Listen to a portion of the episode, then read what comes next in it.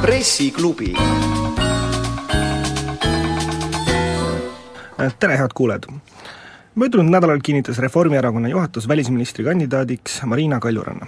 Tänases pressiklubi saates keskendume Kaljuranna valikule, tema isikule ja poliitikale laiemalt. saates on ajakirja Diplomaatia peatoimetaja Erkki Bahovski, tere! tere! ja Euroopa Parlamendi liige Indrek Tarand, tere! tere hommikust! Saadet juhib BNS-i ajakirjanik Huko Aaspõllu. Et äh, alustaks siis äh, sellest küsimusest, et kas Marina Kaljuranna valikuga saab Eesti tänases olukorras endale parima välisministri? Erki? seda on muidugi väga raske öelda, selles mõttes, et neid kriteeriumi, millest lähtuda välisministri või välisministri kandidaadi hindamisel on nii palju ja põhimõtteliselt äh, öelda, et äh, meil on parim kandidaat, tähendaks seda, et alternatiive ei oleks. noh, ma niimoodi julgeks öelda, et selles mõttes puhtfilosoofilise külje pealt, et nüüd on kõige parem, aga noh, kindlasti väga hea, kindlasti, kindlasti praeguses olukorras sobiv ja, ja mina suhtun sellesse äh, äh, uude kandidaati positiivselt äh,, aga ma ei, ma ei julge tõesti lihtsalt äh, puhtfilosoofilises võtmes öelda, et, et ta, et ta on parim kandidaat, et noh, see eeldaks siis seda, et kõik teised on halvemad, et ma ma, ma niimoodi ei julgeks mõelda, jah. mina olen selle arutlusega täitsa nõus, et ja üldse, miks me peame niimoodi arutlema, on see, et peaminister, kes on tuntud oma segase võitu ütluste poolest, ütles, et me nüüd paneme parima kandidaadi, jättes täpsustamata, kas parima maailmas, parima Euroopas, parima Eestis või kõigest parima, mis, milleks Reformierakond täna võimeline on. et eh, need on kõik ju ise mõõtkavad, eh, kui me niisugust spordivõistluse terminit siia kõrvale proovime võrdluseks tuua. aga jah, see lahendus minule meeldib ja mitte ainult sellepärast, et ma tõesti Marina Kaljuranda tunnen ja olen näinud tema eh, võimekust eh, diplomaadina, eh, nii, mitte sellepärast ainult, aga ka sellepärast, et et see on noh, by default või nii-öelda sõnadeta tunnistus, et Reformierakond on nii alla käinud oma sisevõitlustes, et isegi Rein Lang, kes ju mäletatavasti oli ka Eesti kõige lühiajalisem välisminister ühel perioodil ja tundis kindlasti kiusatust äh, väikseid inglitiibu turja taga kasvamas, et lennata jälle kümnendale korrusele äh, Revala või siis Islandi väljaku majja. Ja pidi võtma selle, et meie partei peab suutma esitada oma ridadest äh, välisministri kandidaadid, no ei suutnud, no tunnistagegi seda no, ja põhimõtteliselt see on okei. okay.. see ei ole ju tegelikult nii üheselt võetav, sellepärast et mm, kui võtta puhtalt poliittehnoloogiliselt, äh, siis oleks noh, Rõivasel oli vaja sinna praegu panna inimest, kes mm, annaks maksimaalset populaarsust. no ja aga neid inimesi, nagu Erki ütleski, oli kindlasti rohkem, iseküsimus on nüüd see, et eh, millega seda populaarsust siis mõõdetakse tagantjärgi avaliku arvamuse küsitlusega ja. näiteks, on üks viis, eks ole. aga tegelikult Rõivasel oli vaja, et antud ajahetkel eh, Välisministeerium oleks niiviisi juhitud, et välispoliitika mm, oleks ikkagi innovaatiline ja aktiivne, mitte mingi kelgu taga lohisemine no jah, et, et ma tahan öelda, et, et kui niimoodi mõelda, kui nagu selle reitingute koha pealt mõelda, siis tekib väga paradoksaalne olukord, et Reformierakond peab tõstma oma populaarsust kellegi abil, kes ei kuulu Reformierakonda. ja see on juba korduv. jah, jah, jah, et, et, et noh, see, see, see tõepoolest äh, näitab siis seda, et, et kas siis Reformierakonnal on tõesti äh, pink on nii lühike või siis ei osatud mingit muud moodi mõelda, aga, aga ma siiski usun või tahan uskuda, et, et see ei ole kõige olulisem, et, et mõeldakse ikkagi, ma tahan uskuda, et mõeldakse, et ka natuke laiemalt, et et Eesti riigi seisukohalt on välisministri kandidaat hea lahendus. No aga kui me võtaksime kas või Reformierakonna pingilt, et meil oleks võimalik võtta Paet, meil oleks noh, üks kahest Kallasest, eks ole aga... no miks mitte, neid on rohkem. ei, aga no ma lihtsalt ütlen, et, et üks kahest? äh, need kõik valikud oleksid olnud Rõivasele ühte või teistpidi ohtlikud et Paet ohtlik oleks olnud, ole-, Kallased oleksid ohtlikud, sellepärast et ma arvan, et välisminister peaministrile on äh, alati suhteliselt ohutu, sellepärast et äh, välispoliitika ei ole ammu enam niisugune esimese ilmasõja eelne, kus vürstid ja keisrid aeg-ajalt kohtuvad, vaid äh, töötab nagu ametkondliku tõsidusega, täie, täiesti tuksub seal äh, ja seetõttu välisminister üksinda ei ole võimeline ühtegi poliitikat ilma valitsuse toetuseta tegelikult realiseerima. see on nii komplitseeritud. ma olen nõus selles osas, aga just pigem sellises sisevõitluse formaadis, et Paet, aga... Paet võiks tahta ju ise olla Reformierakonna juht ja tulevane, tulevane peaminister ja võib-olla saabki, ega siis midagi ei ole enne välistatud, kui ta on välistatud. aga kahjuks jah, on selles erakonnas, eks ole, mis ju alguses loodi liberaalse majandusmõtte ja vähemal määral liberaalsete inimõigusmõtete eh, kehtestamiseks ja arendamiseks Eesti Vabariigis, eh, on just nimelt poliittehnoloogiliselt et kaksteist aastat loodud niisugust massiparteid, kuhu nagu NLKP, kuhu siis noh, võivad astuda igasugused tüübid, me nimesid ei hakka võib-olla täna nimetama, lihtsalt kasutame niisugust koondnimetust Lillo et kui niisuguseid tüüpe koondad, siis loomulikult saadki selle, et äh, säravamad ja nutikamad liidrid, kellel on ka mingi põhimõttekindlus, need lõpp lõpuks, lõppude lõpuks, päeva lõpuks lükatakse kõrvale ja toodetakse kogu aeg seda mõnusat keskpärasust, mis siis päädib näiteks sellise asjaga nagu riigihalduse ministri portfellita portfell. aga kui me tuleme selle nii-öelda valiku juurde tagasi, siis ähm, kui äh, Pentus-Rosimannus teatas oma tagasiastumisest, äh, siis minu jaoks oli küll võrdlemisi selge, et poliittehnoloogiliselt on kõige lihtsam, see oli siis äh, teisel juulil, eks ole, teatas Keitus, Keit Pentus-Rosimannus oma tagasiastumisest, et äh, kõige maksimaalselt annab sealt äh, populaarsust tuua Reformierakonna olukorras, kus sa lased nädal aega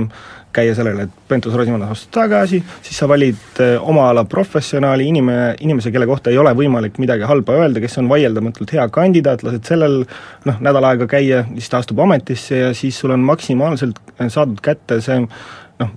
toetuse no, no, kasv, et Rõivase toetus ju hakkas tegelikult langema ja langes juba pikalt selles mõttes. ega me ei tea, kuhu ta nüüd tõusnud on, aga ma ütleks niimoodi, et Reformierakonnal võib-olla poliittehnoloogiliselt, mina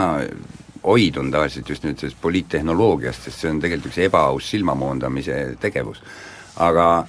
on ka teistpidi näide just sama Urmas Paeda puhul. Tema ka, et astun edasi, astun tagasi ja midagi ei äh, läinud ei tema ega erakonna jaoks lõppkokkuvõttes paremaks, nii et selles mõttes äh, mina arvan, et valitsusjuhi poolt on niisugused kiired otsustavad käigud sageli etemad kui niisugune tohutu sisedemokraatia teesklemine ja selle abil aja võitmine. ei no aga noh, siin ei olnudki sellist sisedemokraatia teesklemist, et ähm, Rõivas läks ja küsis Kaljuranna käest, et kas ta on valmis, tegi Kaljurannaga tõenäoliselt mingisuguse leppe, mingisuguse diili ja, ja noh, sai nõusoleku milles ja... see diil võiks seisneda, ma tahaks teada? no mulle isiklikult tundub, et, et see diil on äh, selline, et Kaljurannast saab äh, välisminister juhul kui? Äh, ja siis Reformierakond toetab teda presidendivalimistel. no aga Reformierakond ei ole ju mingi tegija presidendivalimistel, neil on ainult kolmandik hääli parlamendis. no ja siis siiski, noh no ma ei tea, ma ei usu, et Marina sellise tehingu tegi. ma, ma ei, ma ei usu jah, et, et siin on see oht, et, et Marina Kaljurand kistakse siis sisepoliitikasse ja millest oleks muidugi väga kahju, et et äh, välisminister võiks ju ikkagi tegeleda välispoliitikaga ja seda välispoliitikat inimestele ka selgitada, et noh, see, meil on see praegu see karjuv probleem, et et neid raskeid küsimusi, pagulasi ja Kreekat ei ole suudetud äh, Eesti rahvale selgitada, vähemalt selline on minu arvamus. ja pole proovitudki alustada selgitust, et mis juhtub, kui inglased referendumil ühte või teist no see, see on veel otsa, eks ole. aga, aga kui, kui äh, juhtub see, et Marina Kaljurand peab hakkama ka sisepoliitikas õigustama Reformierakonna probleeme ja, ja nii-öelda tankisti rolli asuma, siis see ei ole muidugi hea, et, et, et see, see, sellist lepet või diili küll vaja ei oleks, ma ei usu ka muidugi isiklikult, et selline asi ikkagi läbi läheks, aga, aga ma e-, eelkõige arvan jah, et Marina Kaljurand peaks olema just nii-öelda tugev esidiplomaat ja, ja suutma siis neid probleeme ka kommunikeerida inimestele. ja just väga oluline oleks minu meelest see, et Reformierakond hoiduks antud kaasuses nüüd oma sellisest kiskja instinktist, et igal juhul tuleb sundparteistada mm. -hmm. nagu tehti, eks ole, Anne Sullinguga, milleks seda on vaja teha, see jätab sinu gängist ainult niisuguse halva mulje. aga teeme siinkohal väikese reklaamipausi ja jätkame kohe peale seda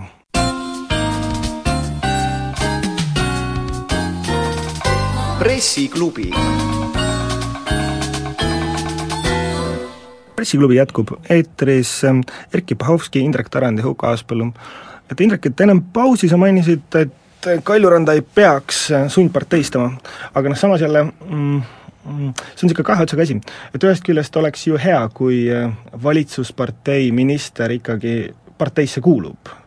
et ja aga sellisel juhul peab see partei neid ministreid ka oma ülipikkadelt pinkidelt toota suutma sellistes olukordades, kus kohus nende põhimängijaid järjekindlalt süüdi mõistab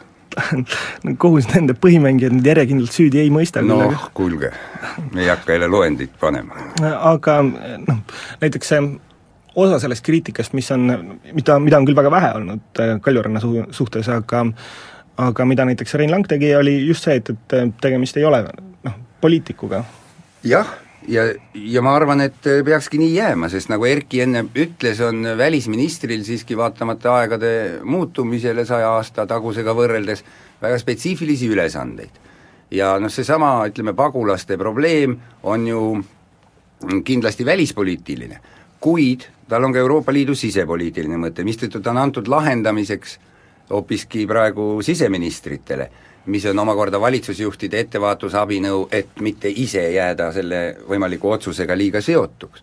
ja nüüd äh, see kommunikatsioon selles asjas võimeka välisministri poolt tuleb äh, palju paremini, mina ei usu, et Reformierakonna programmis on silpigi pagulaspoliitikast ja üldse sotsiaalpoliitikast. et selles mõttes äh, on igal juhul parem, kui Reformierakond suudab hoiduda sellest instinktist, et igal juhul me väntsutame ja alandame, on, see on niisugune platnoi kultuur et kui tuleb uus inimene laagrisse nii-öelda, siis teda võetakse teatud võtetega omaks. ja sellest tulebki hoiduda, sest mis kasu on saanud Anne Sulling või Maris Lauri sellest, et nad on Reformierakonna liikmed, eh, selle hinnaga, et siis said lühikest aega olla ministrid, mitte no, mingit, nad lükati kohe kõrvale. no no parlamendis. noh, Marina valitaks ka parlamenti isegi siis, kui ta ei oleks parteis ja üksinda sinna kandideeriks, selles ei ole ka mingit kahtlust. aga nüüd mida Reformierakonnal oli vaja, ta peab selle küsimusele vastama. kas tal oli vaja välisministrit või reaparteilast? kui reaparteilast, siis võiks Marina Kaljuranna tasemega mõtlejad rahule jätta ja käia jälle poe taga loosungiga sinuski on tilluke orav või midagi sellist. no peamiselt oli Reformierakonnal vaja võib-olla, noh, pigem Taavi Rõivasel vaja populaarsuse taastumist no ma ei, mina ei usu seda, et, et, et ka see käik annaks siis Reformierakonnale mingisuguse imelise tõusu reitingutes, et, et see seab võib-olla Eesti riigi äh, paremasse valgusse ja see tõus või see, ütleme, see stabiliseerumine leiab aset järk-järgult, aga mitte sellise hüppega. ja noh, muidugi on see, et mida ma ka olen varem Postimehele öelnud, et äh, kui nüüd eeldada, et äh, välisminister või välisministri kandidaat äh, peaks äh, saama rahvalt mandaadi või siis olema seotud jah, tugevalt Reformierakonnaga, siis tasub meenutada ikkagi valimisi ja valimiskampaaniat ja, ja seal on ikkagi selline põhiline joon ju see, et välispoliitikast ei räägita väga palju sest valitseb konsensus. no sest valitseb konsensus ja, ja, ja, ja need teemad äh, jäävad äh, jutumärkides inimestele kaugeks äh, ja, ja nii edasi ja nii edasi, sellest ei taheta rääkida ka, ka sellel lihtsal põhjusel, et enamikul väitlejatel puudub kompetents. Nad ei suuda rääkida välispoliitikast kuskil valimisstuudios või sellises saates, nagu meie siin praegu oleme, ja räägitakse ikkagi oma kodutanumast ja, ja, ja külaväljakutest ja nii edasi ja nii edasi, et, et selles mõttes nüüd öelda, et noh, et välisministri kandidaadil peaks olema mingisugune valimiste ajal saadud mandaat, iseenesest teoorias on see õige, aga noh, kui me vaatame tõesti seda, et palju siis välispoliitikast räägiti ja räägitakse valimiskampaania ajal, siis seda ei ole, et noh, selles mõttes minul ei ole seda muret, et nüüd äh, välisminister peaks olema kuskilt tõusnud nagu sealt Reformierakonna ridadest aga kui me räägime üldse sellisest välispoliitikast, et äh, kuidas siis võiks Eesti välispoliitika nüüd Kaljuranna juhtimisel muutuda, kui üldse? Erki? no ma, minu meelest on nagu oluline see, et, et, et meil oleksid äh, mingid kindlad seisukohad ja põhimõtted, mida me ka välja ütleme. ja, ja tõesti, jälle kordan ennast, aga see peab olema kahe otsaga, see amet, et, et ja mõlemad on olulised, et me peame suutma äh, tutvustada oma ja kaitsta oma seisukohti siis maailma partneritele, Euroopa ja Ameerika partneritele ja aga, aga mis praegu on eriti oluline, on see, et välisminister peaks äh, suutma selgitada Eesti positsioone ka inimestele ja, ja, ja, ja siin on see samuti see probleem ja seos, siin on tõesti seos reitingutega, et, et kui äh, valitsuskoalitsiooni kokku on praegu äh, avaliku arvamuse küsitluste järgi nelikümmend kolm protsenti ainult toetust, siis äh, võib ajada mis tahes poliitikat, mitte siis ainult välispoliitikat, vaid ka sisepoliitikat, tulla välja mingisuguste algatustega ja nii edasi, aga kui see toetus on nii madal, siis järelikult puudub usaldus valitsuse vastu ja, ja ja inimesed lihtsalt ei usalda valitsust. Ja tõepoolest, kui valitsus võtab vastu mingi seisukoha Kreeka küsimuses või pagulaste küsimuses, siis valitsust ei usaldata lihtsalt. Et, et just see on see, et, et, et tekiks usaldus välispoliitika vastu ka inimestel, sest noh, andkem endale aru, et välispoliitikas ei saa kõiki asju rahva käest küsida, noh ei saa panna referendumile igasuguseid asju. põhiseadus ei lubagi. no põhiseadus ei lubagi, eks ole aga siin on aeg-ajalt selliseid mõtteid ju tulnud, et, et, et paneme referendumile siin NATO baasid, eks ole, ja nii edasi ja nii edasi, et, et, et, et, et seda välispoliitikat saabki teha niimoodi, et inimestel on usaldus rahva vastu, ta teab, mis valitsus teeb ja välisminister on siis võimeline ka seda inimestele selgitama. ja minu meelest eh, on üks suur valdkond, mis nüüd uut välisministrit ees ootab on äh, nimelt seesama palju enne valimisi kilbile tõstetud julgeolekuvaldkond, kuskil peale pealkirjade suurt kampaanias midagi ju edasi ei arendatud. aga ma loodan, et äh, uus välisminister üritab vähemalt peaministrile ja endisele välisministrile ära seletada, et äh, Jean-Claude Junckeri sõnu vajaduse kohta luua Euroopa Liidu ühised relvajõud, ei pea niisama prügikasti viskama esimese pingpongi liigutusega, nagu meil juhtus, et see on mõttetu ja kahjulik idee. see ei pruugi olla mõttetu ja kahjulik idee, kui me saaksime Euroopa liitlased, Prantsusmaa, Saksamaa eelkõige võib-olla, mhm. ära veenda, et Euroopa Liidu kaitsevõimekus peab nihkuma Euroopa Liidu südamikust Euroopa Liidu piiridele, sealhulgas mitte sada kolmkümmend Ameerika sõdurit NATO raames ei pea siin meie kirikuaedu koristama vabal ajal ja ühtlasi olema heidutus, vaid seda peab just nimelt tegema föderatiivne Saksamaa, Prantsusmaa, noh, ja teised riigid jõudumööda ka, et, et kui seda mõtet, mida tegelikult nüüd Euroopa Liidu siseselt nii poolt kui vastu arutatakse ja dialoogis siis eh, nagu kahe mütsiga istudes NATO ja Euroopa Liidu liikmesriikidena peame ära lahendama. on selge, mul on seda ise ütelnud Ameerika kindralid, et äh, neil oleks lihtsam, kui neil Eesti, Läti, Albaania ja teiste võimsate liitlaste eh, kindralite asemel oleks konkreetsed Euroopa Liidu relvajõudude juhid NATO kolmanda sambana ja siis Kanada ja Türgi oleks seal nende kõrval. nii et näiteks see on üks äh, suur küsimus, kus Välisministeeriumi äh, argumenteeritud proaktiivsus äh, võiks midagi saavutada ja teine asi, mis on, on muidugi see, et et teatud määral on Marina Kaljurannal just selliseid eeldusi, kuna tema on õppinud välispoliitikat ja võib une pealt, eks ole, lugeda kõiki klassikalisi teooriaid Carrist alates ette, et ta suudabki selle kontseptuaalse raamistiku ütelda, et meil on need põhimõtted. ja, ja siin on väga huvitav vaidlus, et kui meil on selline põhimõte näiteks, et terroristidega läbi ei räägita isegi juhtumil, kui nad võtavad pantvange, siis kas sellest põhimõttest tehakse mingil hetkel erandeid või kuidas, või lubatakse, nagu Ameerika lubab eh,, siiski sugulastel vajadusel lunaraha maksta ja nii edasi. et niisuguseid asju, mida maailmas üha rohkem tuleb ja, ja, ja näide on ka sellesama India kinnipeetavate Eesti kodanike suhtes, kuidas nii väike riik nagu Eesti suudab midagi projitseerida niisuguse riigi vastu nagu India? hästi, aga teeme siinkohal pausi, kuulame ära uudised ja jätkame kohe peale seda.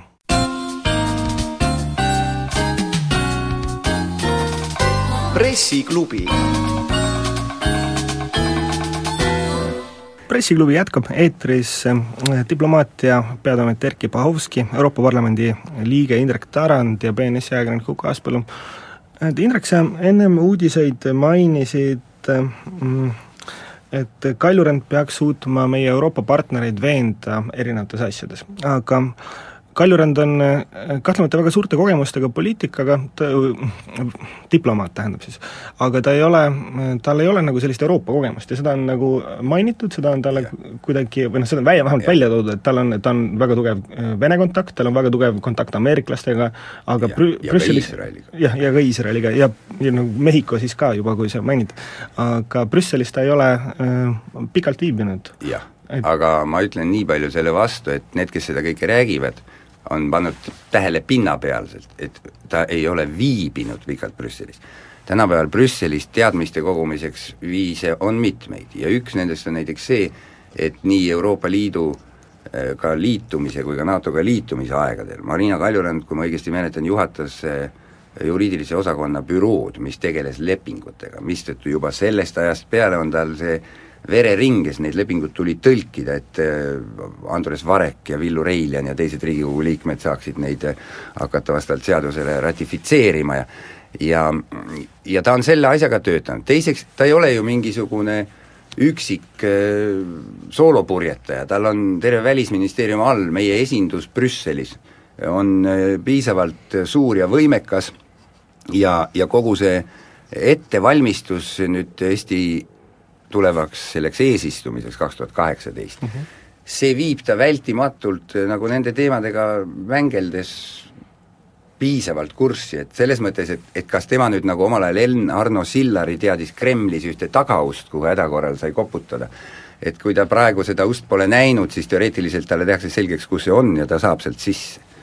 Jaa, no ma olin Postimehe ajakirjanik eh, siis, kui Eesti hakkas Euroopa Liitu ja NATO-sse astuma ja tõepoolest Marina Kaljurand Välisministeeriumis töötas ühinemislepinguga, Euroopa Liidu ühinemislepinguga ja, ja oli nende äh, probleemidega väga hästi kursis, ma tegin temaga mitu intervjuud ja, ja selles mõttes ma võin küll öelda, et äh, Marina Kaljurand äh, Euroopa Liiduga on väga hästi kursis. Ja noh, siin tekib muidugi küsimus, et, et noh, et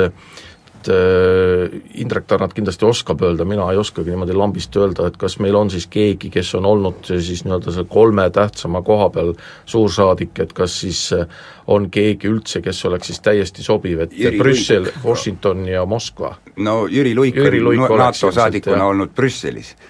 et äh, selles mõttes no mis seal salata, eks Reformierakonna pikk pink ju proovis ka oma kombitseid Jüri Luige peal Äh, jah, aga Jüri Luik ei ole naine, mis võib-olla äh, noh, mõjutas seda otsust natukene, et äh. aga või noh, kui, kui on tulnud need ajad, et Eestis hakatakse vaatama seda, et oleks rohkem naisi juhtivatel kohtadel, ja sellest lähtuvalt tehti otsus, siis see, see on ka tervitatav taaskord. ma absoluutselt ei vaidle, eriti veel arvestades seda, kuidas peale valimisi, kui Reformierakond oma uued ministrid paika pani, naiste osakaal oluliselt vähenes. ja värskelt Reformierakonna liitunud Maris Lauri, Jaane Sulling brushiti minema nagu tolmukübemed. Äh, aga hästi um,, aga me siin ennem rääkisime sellest, et äh, peaks olema välisminister võimeline selgitama Eesti avalikkusele siis Eesti välispoliitilisi seisukohti ja, ja seda, kuhu Eesti tahab jõuda, et kas Kaljurand on selleks võimeline? Noh? no mina arvan küll, noh tähendab, kui ma võtan puhtalt Kaljuranna, siin tekib jälle see küsimus, et, et kui ma võtan nagu puhtalt Kaljuranna, siis äh, tal ei ole mingisuguseid luukeresid kapis, et, et äh, seda probleemi ei ole ja ta on, eks ole, ka äh, tunnustatud arvamusliider, Postimees valis ta aasta inimeseks aastal kaks tuhat seitse, ta on olnud nii-öelda pildis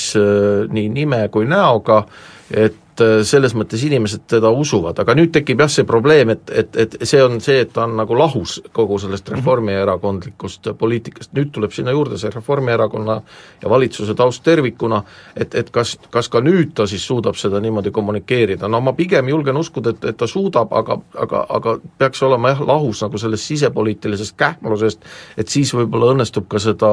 oma sõnumit edastada. No aga kui Kaljurand läheb äh, nüüd peale ametisse astumist ja teatab, et ei, et Eesti nüüd võtab tuhat äh, pagulast endale, et äh, kas inimesed usuvad siis teda või? no miks inimesed siis ei usu, kui nii tehakse, nad näevad seda oma silmaga, et kui on lubatud, siis tehakse no.. aga vaevalt, et ta nüüd selliste asjadega nüüd kohe välja tuleb. ja pealegi, nagu ma aru saan, esialgne pagulaspoliitika tulemus on see, et kahe aastaga Eesti võtab kakssada Eh, siis eh, väljaspool Euroopa Liitu pagulaslaagrites ootavat inimest. no see kokkulepe veel päris kivis vist ei ole, et ei no siin on kõik muutub, ega no muidugi muutub selles mõttes, et ka Euroopa Komisjon on ju muutnud neid eh, nõndanimetatud kvoote ju väga lühikese aja jooksul mitu korda, et ja, ja me ei tea seda ju, mis võib veel tulla ja noh, ega väga palju meist ka ei sõltu, noh, et äh, kui see olukord ikkagi Vahemere lõunakaldal ja Lähis-Idas ikkagi muutub, siis, siis võib muutuda ka see pagulaste arv, et, et väga raske on ennustada ja äh, me peaksime ju siis teadma, mida järgmisena võtab ette Islamiriik või mis siis äh, hakkab toimuma Süürias või Liibüas, et äh, öelda kindlalt, et pagulasi tuleb just nii palju, aga meie seda paraku ei tea. ei no pigem minu küsimus on selles, et kas on võimalik Kaljurannal seda teemat äh, niiviisi ära kommunikeerida, et äh, sellele ei oleks laiapõhjalist vastuseisu, nagu on senini olnud? no ma arvan, et äh, kui ta on oma mõttes otsustanud, et ta tahab äh, võtta nüüd üksinda kogu pagulasproblemaatika lahendamise ja kommunikeerimise Eesti rahvale enda õlule, siis äh, vähemalt mina püüan teda aidata ja ma usun, et äh, ta saab sellega hakkama. jah, no ma, ma olen pigem nagu positiivne, et no et, et ma usun, et Kaljuranna isiku taha see asi ei jää, et ja, ja me ei räägi tõesti praegu ju tuhandest pagulasest, vaid ikka tõesti kahesajast või kuni kahesajast, et et seda nagu mõistlikult seletada ei tohiks olla ikkagi väga keeruline. aga üks huvitav mõte võiks olla ka see, et mm, just nimelt selles samas Euroopa Liidu kontekstis saab ilmselt üha selgemaks mitte ainult äh, ministritele, vaid ka siis kodanikele laiemalt, et tundub, et Euroopa Liidu võimuses ja võimekuses ei ole korraga nagu kahte peaaegu läbikukkunud riigi staatuses olevat asja äh, ei vaimselt ega rahaliselt toetada ja valiku kaalukauss ühel hetkel on, mida me teeme, kumb on meile tähtsam praegu, kas Kreeka või Ukraina. me mõlemat ei jõua pidada ja see on nagu väga huvitav kommunikatsiooni küsimus, sest eh, noh, väga paljud, väga paljud meie partnerid ei kujuta Euroopat ette ilma Sokratese ja Aristotelese kodumaata. Jah, ja samal ajal tõesti, no see on, see on huvitav, see on muidugi, läheb natuke teemast kõrvale, aga aga irooniaga märgin, et ja samal ajal peetakse siis idaeurooplastele ja ka meile loengut sellest, kuidas siis ajaloos ei tasu kinni olla ja tasuks ikkagi nagu edasi minna ja nii edasi ja siis samal ajal võetakse Kreeka ja siis on tõesti esimese, peaaegu esimese asjana hakatakse rääkima Sokratesest, Aristotelesest ja nii edasi ja nii edasi. jah, aga teistpidi raha maht, mis võib olla Ukraina riikluse jalule saamiseks, ja seal on samuti, eks ole, meie võime tund-, meile võib tunduda, et Ukraina on kuidagi meie saatusekaaslane, lähedane ja kultuuriliselt sama, mida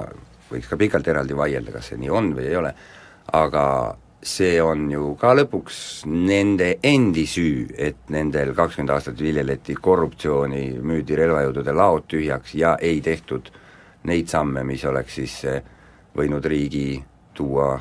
Euroopa Liidu noh, vähemalt mingisuguse partnerluse lävepakule et me alati ütleme, et näed, kreeklased on ise süüdi, sest nad raiskasid meie raha ära. aga see on ka mujal võimalik nii väita. aga teeksin kohale väikse pausi ja jätkame peale seda.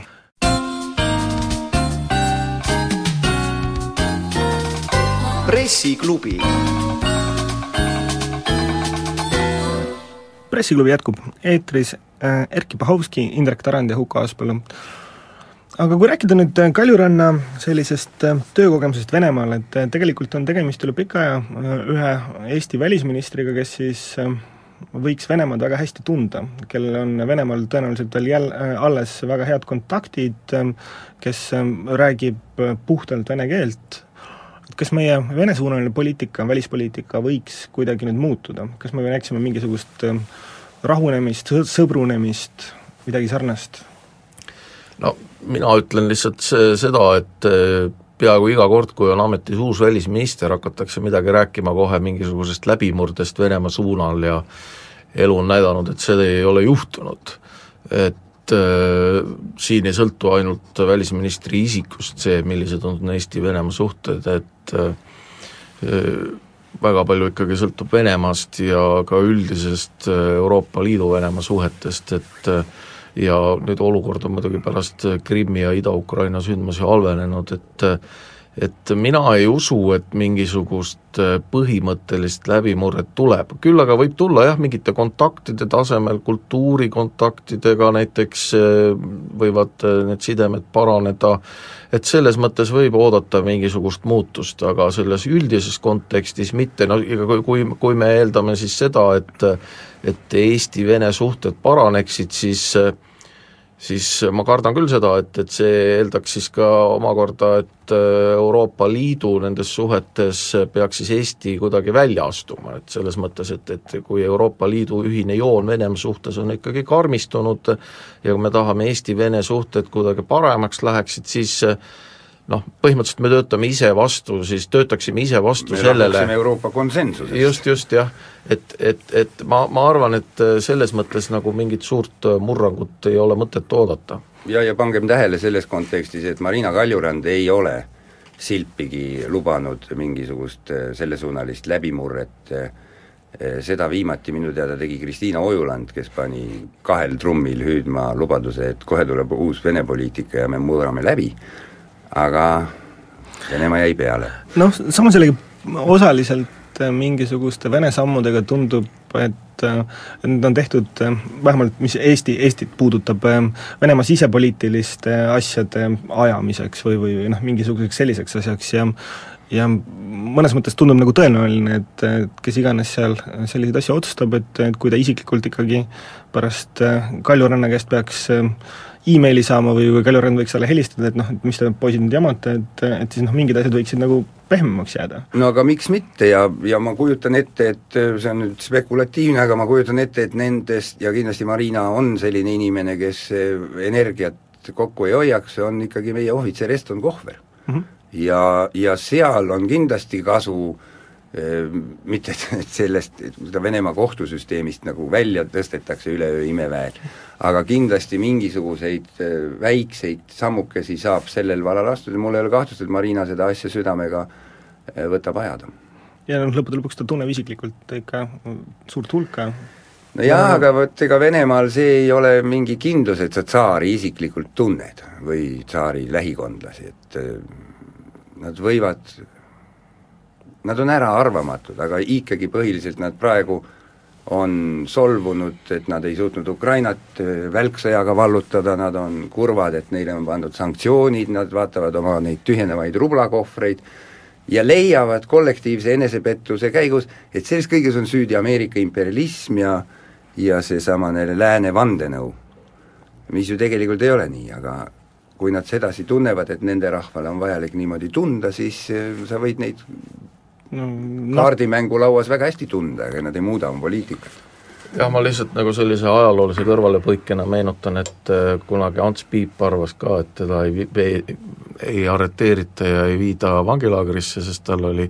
Stalini isikliku allkirjaga foto, aga ikkagi juhtus see, mis juhtus. sama eksitus valdas Laidoneri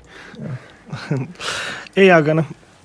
noh teisalt jällegi äh,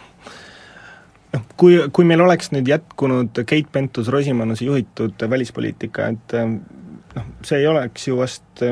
või need no,, see ei oleks parem olnud? ei, muidugi mitte, loomulikult mitte, seepärast et juba eile mul sattus kõrva, et siin Anvar Samost kirjeldas Eesti välispoliitikat sellel ajal kui autopiloodil olevat. ja osaliselt oli see õige. nii et ja noh, jättes nüüd kõrvale selle, et välisministril siiski ei tohiks olla süüdimõistvat kohtuotsust äh, no teda ei ole süüdi mõistetud, teda selle üle me võime vaielda, kohus just nimelt mõistis ta süüdi, see, et ta edasi kaebas, see on tema põhiseaduslik õigus. ta ei olnud süüdi mõistust, et mõistetud, et ta, kohus ütles, et, et ta on ta seotud, ta on seotud raha väljatõstmisega no pankrotipesas. vahet ei ole, no ütleme, Silvia Berlusconil ei olnud väga mõnus olla eh, valitsusjuht ja keegi teda nagu väga tõsiselt ei saanud võtta just nimelt seda tüüpi asjade pärast, kuigi ka tema käis kõik Itaalia viis kohtuastet läbi aga jah, ütleme Keit Pentus on teistmoodi poliitik, ma mäletan seda kuulsat Reformierakonna triot väga hästi Välisministeeriumist, kes sinna kahe tuhande esimesel aastal sisse purjetas, Ojuland kõige ees ja Pentus ja Kalojan kahe pool käe kõrval. Need olid tema nõunikud. ja siis mulle tundus tollel ajal, et Pentusest võiks nagu asja saada, kui ta asja vastu huvi tunneb. aga kuna ta ei tundnud juba siis, sest tema huvid ja fookused olid nii sügaval partei- ja sisepoliitikas, siis loomulikult noh, niisugune caretaker välisminister, ta ei, ta ei veena isegi oma ametkonda ära, et me nüüd töötame millegi nimel, sest tal ei ole võimet formuleerida, mis see miski on. noh, president oli väga positiivselt meelestatud, arvas, et äh, sellel on sisepoliitilised põhjused. no kas just sisepoliitilised, aga mulle vähemalt jäi mulje, et, et Ilves, Ilves sai siis äh, rohkem tegeleda äh, välispoliitikaga, sa, sa ei ole autonoomsem selles osas? no ma usun, et see talle muidugi meeldis, miks mitte aga kas Ilves nii-öelda mõjuvõim vä-, välispoliitikas või, või ka Välisministeeriumis võiks nüüd äh, Kaljuranna all äh, langeda või kasvada? no Marina on töötanud Soomes konsulina ja seetõttu ma arvan, äh, ta kindlasti suudab tasakaalustada niisugust Twitter-poliitikat Soome suunal, et ma loodaks, et Kadriorg on ise ka sellest aru saanud, et see ei ole päris hea kurss igas küsimuses korra nädalas soomlastega tüli norida no aga ma ei räägi siin ainult soomlastega tüli norimisest, ma räägin noh, pigem sellest, et ähm, kes seab äh, Eesti välispoliitika prioriteete, et kas, kas seda tehakse Kadriorus või tehakse seda Islandi, Islandi väljakul? no ma usun küll, et äh, mingisugune äh, tasakaal või rohkem tasakaalu on, on tulemas, et et Marina Kaljurand nii-öelda Kadrioru äh, partnerina, kui sellist sõna võib kasutada, on kindlasti äh, mõjukam ja, ja mõjub äh, Eesti välispoliitikale stabiliseerivamalt, noh siin on muidugi üks muutuja veel ja see on peaminister Taavi Rõivas, et, et ja me ei tea muidugi, kuidas see nii-öelda see kolmnurk tööle hakkab, aga, aga ma jah, tahaks uskuda, et, et äh, välisministeeriumil on siis nüüd praegu rohkem vastukaalu Kadriorule kui varem jah, ma usun, et president peaks olema väga rõõmus, et talle tekib välisministri kohale selline partner, kellega ta on vaimselt võrdväärne. Siis viidates, et Kent-, Keit Pentus-Rosimannus ei olnud talle vaimselt viitan otse ja ütlen, et Keit Pentuse huviala ei ole kunagi olnud ega ei olnud ka nüüd välispoliitika kui selline. aga kas Paet oli siis presidendiga? Paet ta president ei sallinud, ma ei tea küll, miks, ja see ilmnes ju viimati kõige otsesemalt äh, et me ei vaja välisministrit, kes teeb pressiteateid mm, -hmm. mis on ju üks Urmas Paeda niisugune leivanumber, neid teha. E, ma ei oska seda ütelda, et mis seal nende vahel oli, aga kindlasti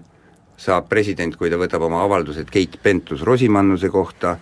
neid samu avaldusi ainult ülivõrretes kasutada siis nüüd käe, kehtima hakkava välisministri suhtes aga kui me nüüd mõtleme mm, korraks ka kahe tuhande kuueteistkümnenda aasta suvel toimuvate presidendivalimiste peale ja kui me nüüd äh, hüpoteetiliselt mõtleme, et Kaljurand võiks kandideerida, et ta selle ajani ei ole parteisse astunud, et äkki meil on siin vahepeal ära käinud siis äh, ka äh, Keit Pentus-Rosimannust mitte süüdimõistev otsus või noh, siis tema seotust ka Autorolloga mitte kinnitav otsus, ähm, kas et siis vahetame kohti jälle? ei no, Keit Pentus ei ole praegu president, aga kas Kaljurannast võiks saada hea president Eestile? No kindlasti võiks, aga mul on isiklikult väga suur kahtlus, et, et Eesti erakonnad suudaksid kokku leppida presidendikandidaadis, mis ei tuleks ühe, ühestki erakonnast, et see peab olema mingisugune väga kummaline Hind. asjaolude kokkulangemine, jah, mingi superdiil ja ja kui võib eeldada, et, et et president ei vali, vali Riigikogu, et noh, ma ei, ma ei näe praegu küll ühtegi kombinatsiooni, et Riigikogu peaks seda presidenti valima. ta läheb sinna valimiskogusse, et kuidas seal need jõujooned veel hakkavad jooksma, et see, see on väga raske nagu ennustada. no kui Reformierakond peaks enda äh, presidendikandidaadi nimetama, siis mõnes mõttes oleks see loogiline Siim Kallas, aga Siim Kallast Taavi Rõivas tõenäoliselt presidendina tahaks võrdlemisi vähe näha. Ja, ja siis jah. Marina Kaljurand Reformierakonna kandidaadina oleks äh, noh, ei no jaa, aga vaatame nüüd Eesti praktikat, siis küsivad koalitsioonipartnerid, A, siis me tahame Ansipi ametiaja lõpus saada voliniku kohta, punkt üks, B, me tahame, et teie maavanemad, need kes praegu on ja kelle nimesid keegi ei tea, nendest viis tükki tuleb meile ja ühtlasi tahame me veel, et seda koolidirektorit eh, ei oleks mitte teie parteis, vaid meie partei, sellist lapitekki kokku kududa on, on ikkagi Eesti erakondadel ilmselgelt üle jõu. ja, ja küllap sealt mingi kompromiss leidis, ainuke, milles mina olen kindel, on see, et kui Marina Kaljurand sundparteistatakse Reformierakonna liikmeks, siis temast mitte kunagi ei saa presidenti. kuigi ta võiks olla Eestile hea president. ja käin... esimene naispresident ka veel peale selle. aga sina kandideerid, jah? Ega see ei sõltu minust, meil selleks on vaja kakskümmend üks Riigikogu liiget jaa, aga oleksid nõus, jah? kui ma eelmine kord juba olin, ma võin teist korda veel olla. kas Kaljurand oleks siis raske oponent? ai, siis minule meeldib, ega demokraatia on see, et sa kogu aeg ei võida, vahel tuleb ka teiseks tulla ja, ja ei ole häda midagi, näiteks Soome tuli talvesõjas teiseks ja oli väga mõistlik hästi, aga meil hakkab saateaeg vaikselt otsa saama, et aitäh kõigile kuulajatele, aitäh Erki ja Indrek, saadet saab järelkuulata Kuku raadio koduleheküljel.